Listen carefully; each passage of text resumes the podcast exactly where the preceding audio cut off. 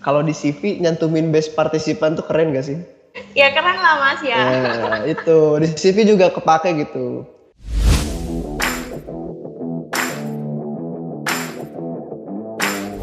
Halo hai Metisian, welcome to Metox, podcastnya anak matematika. Senang banget rasanya aku, Najwa Herani, menyapa kalian di acara podcast kali ini. Nah, kali ini kita akan membicarakan seputar LKMMD. Nah, dari kalian pasti udah nggak asing lagi ya soal LKMMD. Bakalan banyak info menarik buat kamu, so jangan sampai ketinggalan, tetap stay dan no skip-skip. Sebenarnya di LKMMD ada apa aja sih? Tapi sebelum masuk ke pembicaraan topik, kali ini kita kedatangan nih tamu spesial kita yaitu Mas Faril. Halo Mas Faril, gimana kabarnya hari ini? Halo, halo Naja. Selamat siang ya. Alhamdulillah kabar aku sekarang baik-baik aja ya. Gini aja sih kuliah ngurusin ini itu. Ya gini-gini aja. Nah, Nah, lagi sibuk apa nih Mas? kalau aku sih ini kan sekarang aku eh, saat ini alhamdulillahnya diamanahi sebagai kadif eh, pengembangan dan pemberdayaan mahasiswa di PSDM BMFSM tahun ini gitu. Jadi aku eh, membawahi beberapa kegiatan kaderisasi di FSM lah kayak gitu. Oke, keren banget ya. Oke, nah kali ini tuh aku cuma mau nanya-nanya sedikit nih ke Mas Faril. Eh, kalau boleh tahu, kemarin tuh Mas Faril dasarnya tuh di fakultas mana sih Mas? Oke, kalau tahun lalu tuh aku dasarnya di eh, FSM ya. Aku dasarnya di FSM di fakultas sendiri. Nah, apa sih yang menarik di LKMM di FSM? Oke. Em, kenapa aku milih dasar di FSM? Sebenarnya aku tuh waktu tahun lalu waktu jadi eh, maba ya hitungannya masih maba, aku kan dapet info-info soal LKMMD tuh tahunya dari cutting-cutting gitu ya, dari cutting di BEM, terus senior juga. Aku tahunya dari sana. Nah di situ aku masih belum tahu nih dasar FSM tuh kayak gimana, apa yang menonjol dari dasar FSM. Jadi aku waktu itu sempat daftar di eh, dasar psikolog sama dasar fisip.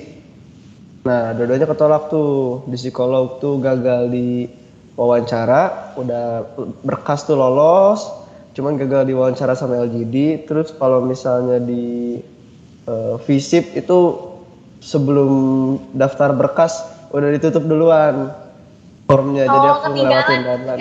Iya. Biasa deadlineer, deadlineer. Ya sama sih Mas.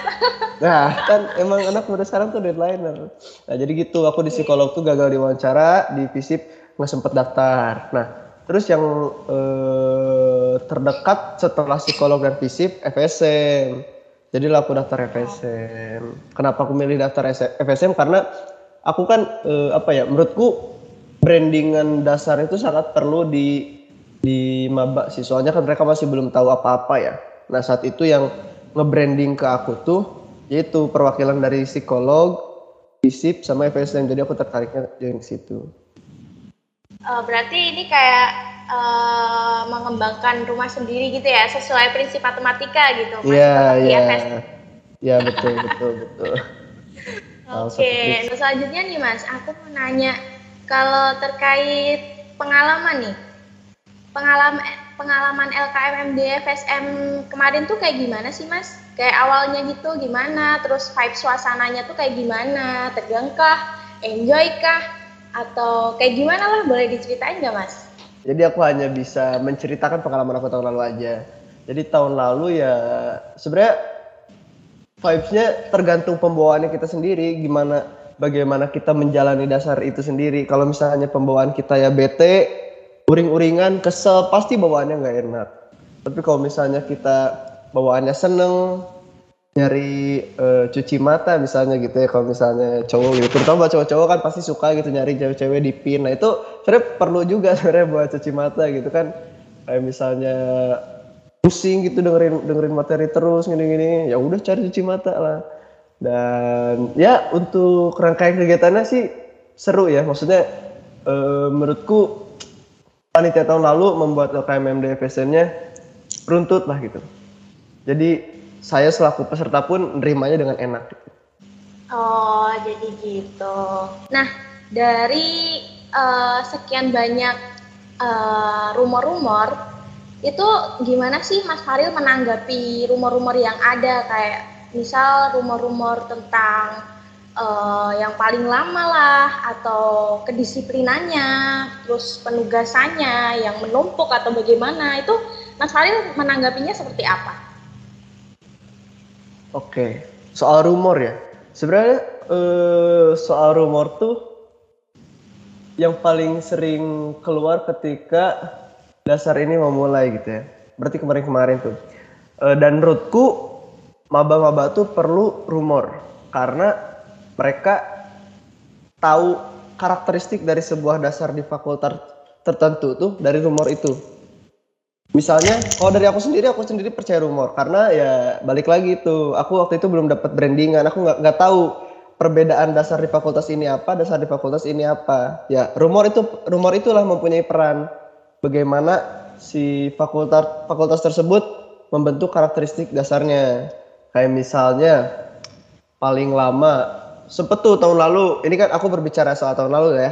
Tahun lalu aku dapat rumor katanya yang paling lama tuh FSM terus terus paling penugasan dan paling apa ya paling disiplin dan paling wah gitu paling mantep itu FT uh, eh, kayak gitu. Jadi maksudnya mereka semua pasti punya rumor-rumornya masing-masing sih. Dan biasanya yang ngebuat rumor tuh uh, orang yang dasar di tahun-tahun sebelumnya. Dan menurutku rumor tuh biasanya benar sih. Jadi aku percaya percaya aja dan menurutku itu penting buat nambah sih.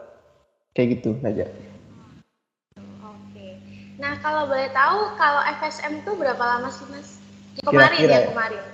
Oke yang kemarin tuh lima bulan sampai empat bulan lima bulanan lah. Kalau nggak salah ya aku aku lupa lupa ingat juga. Ya empat bulan lima bulanan teman-teman nanti kalau ada rumor-rumor bisa disaring dulu ya, dipilih gitu ya kan. Yang selanjutnya nih, uh, enak nggak enaknya ikut dasar itu apa aja sih mas? Oke, enaknya ikut dasar.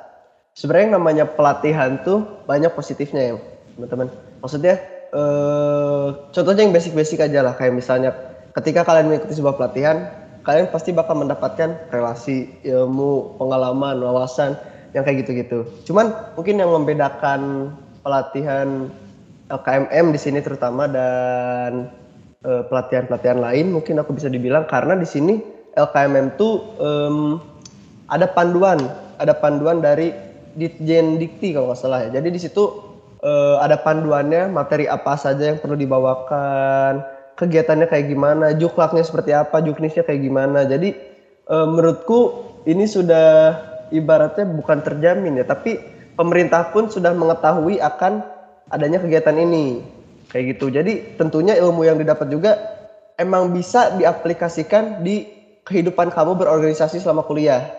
Kayak gitu. Dan yang paling penting menurutku ketika kamu ikuti dasar tuh kamu bisa uh, apa ya meningkatkan rasa sensitivitas kamu terhadap isu sosial di lingkungan sekitar apalagi kepada orang-orang yang tertarik politik ya itu ngebantu banget menurutku. Karena ya namanya juga mahasiswa erat ya misalnya dihubungkan dengan politik kayak gitu. Jadi itu juga e, meningkatkan rasa sensitivitas jadi lebih peka dan yang terakhir tuh biasanya ketika kamu mengikuti sebuah kegiatan pelatihan LKMM terutama itu bisa ngebentuk pola pikir kamu menjadi lebih kritis. Banyak ya enaknya. Nah, kalau nggak enaknya tuh kayak gimana mas misalnya? Kalau nggak enaknya sebenarnya gak enaknya tuh ya balik lagi ke orang tersebut ya. Ketika kamu mengikuti kegiatan pelatihan berarti kan kamu nambah kegiatan satu nih. Nah, dari nambah kegiatan satu ini bagaimana cara kamu menyikapi ini? Kalau misalnya eh, manajemen kamu buruk, itu berimbasnya ke yang lain.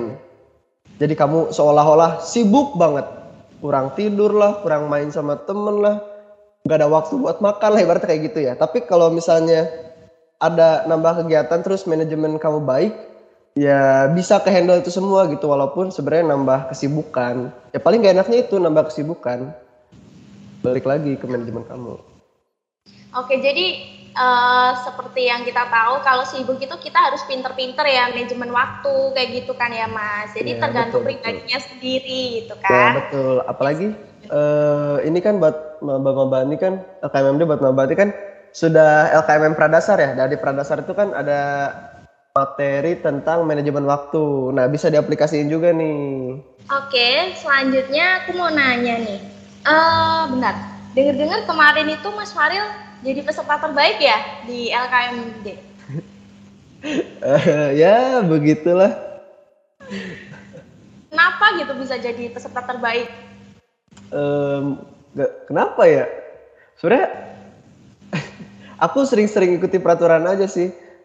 Kayak misalnya kan tiap tiap kegiatan pasti punya SOP lah, punya SOP, punya peraturan. Perhatiin di situ SOP-nya kayak gimana, apakah kalian boleh ini, boleh itu, aku perhatiin. Terus harus konfirmasi sana sini. Pokoknya aku ikuti, aku nurut lah, aku jadi peserta yang nurut. Aku ikuti peraturannya. Terus kalau misalnya ada kesempatan bertanya ya aku langsung eksekusi nanya aja gitu kan. Dan di situ mungkin ya mungkin hasil nilai aku berbeda mungkin. Aku aku juga nggak tahu sebenarnya. Pada normal-normal aja kok. Jadi yang penting kita aktif gitu kan ya Mas. Kalau ada tugas dikerjain, terus kalau Betul. ada kesempatan nanya ya nanya gitu kan Betul ya betul Mas. betul betul. Yang penting aktif itu yang harus digarisbawahi itu itu. Yang penting. Jadi peserta terbaik cukup aktif aja atau ada yang lain nih Mas? Kan kalau misalnya emang kamu mau eh, apa aktif tuh kan maksudnya gak sekedar nanya kayak misalnya pertanyaan kayak stupid question gitu kayak mas satu sama satu berapa? Kan itu kayak misalnya basic pertanyaan gitu basic question gitu kan. Gak gak bisa lah kayak gitu nanyanya. Nah ini juga tadi eh, bisa ngebentuk pola pikir kamu yang kritis. Ketika kamu dihadapkan pada sebuah materi dan kamu harus mencari kelemahan dari sebuah materi itu. Nah di situ tuh poinnya tuh. Kamu harus soalnya dari aku sendiri pun kayak gitu. Aku misalnya eh, dapat tuh materi yang bagus dan aku rasa enak nih materinya aku punya target aku harus nanya di sini aku harus aku harus aktif di sini. Aku carilah kelemahan dia aku cari kelemahan materinya di mana argumen dia salahnya di mana bukan salah maksudnya kelemahannya gimana argumennya. Aku cari makanya aku bilang tadi bisa membentuk pola pikir yang kritis. Dan itu tadi tips and triknya ya aktif terus aktifnya juga maksudnya pertanyaannya juga yang sedikit kritis gitu yang berbobot terus ikutin peraturan dan apa ya jara- jarang-jarang lah gitu melanggar peraturannya. Kayak gitu sih. Bisa mungkin nggak usah ngelanggar ya Mas. ya? iya benar benar Kalau Mas Faril sendiri nggak pernah ngelanggar nih Mas kemarin. kalau misalnya ditanya pernah nggak pernah? Ya pernah sih ya namanya juga manusia nggak luput dari kesalahan. Cuman jangan sering aja kayak gitu. Oke, jangan sering ya guys. Selanjutnya manfaatnya tuh apa sih Mas kalau kita jadi peserta terbaik gitu Bu? manfaat ya manfaat sih ini sih yang paling penting tuh orang-orang jadi tahu kamu sebagai bahwa kamu tuh orang yang aktif gitu ibaratnya gitu kan namanya juga peserta terbaik dari predikat peserta terbaik aja menunjukkan gitu kalau kamu tuh terbaik dari sekian orang ya kan ya walaupun sebenarnya predikat kayak gitu-gitu aja. Tapi itu kan penting ya tergantung. Kalau misalnya orang itu nggak penting ya penting. Tapi kalau menurutku itu penting. Ke satu orang-orang jadi lebih tahu kamu. Terus kedua kalau di CV nyantumin best partisipan tuh keren gak sih? Ya keren lah Mas ya. ya itu. Di CV juga kepake gitu. Terus yang ketiga ya bangga aja gitu. Bisa jadi yang terbaik dari sekian banyaknya orang. Ide bagus nih buat ngisi CV kalian guys. Pasti Eh. ke depannya itu banget buat diri kita sendiri ya kan. Oke, nah eh, mungkin itu aja yang mau aku tanyain ya Mas. Eh, dari Mas Faril ada yang mau disampaikan lagi? Oke, eh, mungkin aku ini sih Naj, boleh apa ngasih beberapa info nggak nih soalnya kan LKMM DFSM juga lagi buka ya. Oh iya guys, oh Eh, eh. silahkan silahkan Mas, silahkan. Oke, mungkin nanti buat teman-teman matematika di sini yang ingin mendaftar dasar, kan kemarin udah sempat ada FEB, FIB, psikolog gitu. Mungkin bagi yang belum sempat mendaftar bisa daftar juga nih di FSM ya. Di FSM kebetulan kemarin juga udah buka dan bisa dilihat di situ berkas-berkasnya nggak nggak ribet kok. Disiapin aja berkasnya, terus nanti diisi, diisi formnya dan gak nyesel lah kalian kalau misalnya emang kalian mau aktif di organisasi ikutin dasar biar sekalian pol-polan gitu nggak setengah-setengah gitu Oke, jadi gitu ya teman-teman. Nah, gimana nih? Eh, pada tertarik kan ya ikutan dasar? Hmm, cus daftar, ikuti prosesnya juga. Ingat kesempatan gak datang dua kali, oke?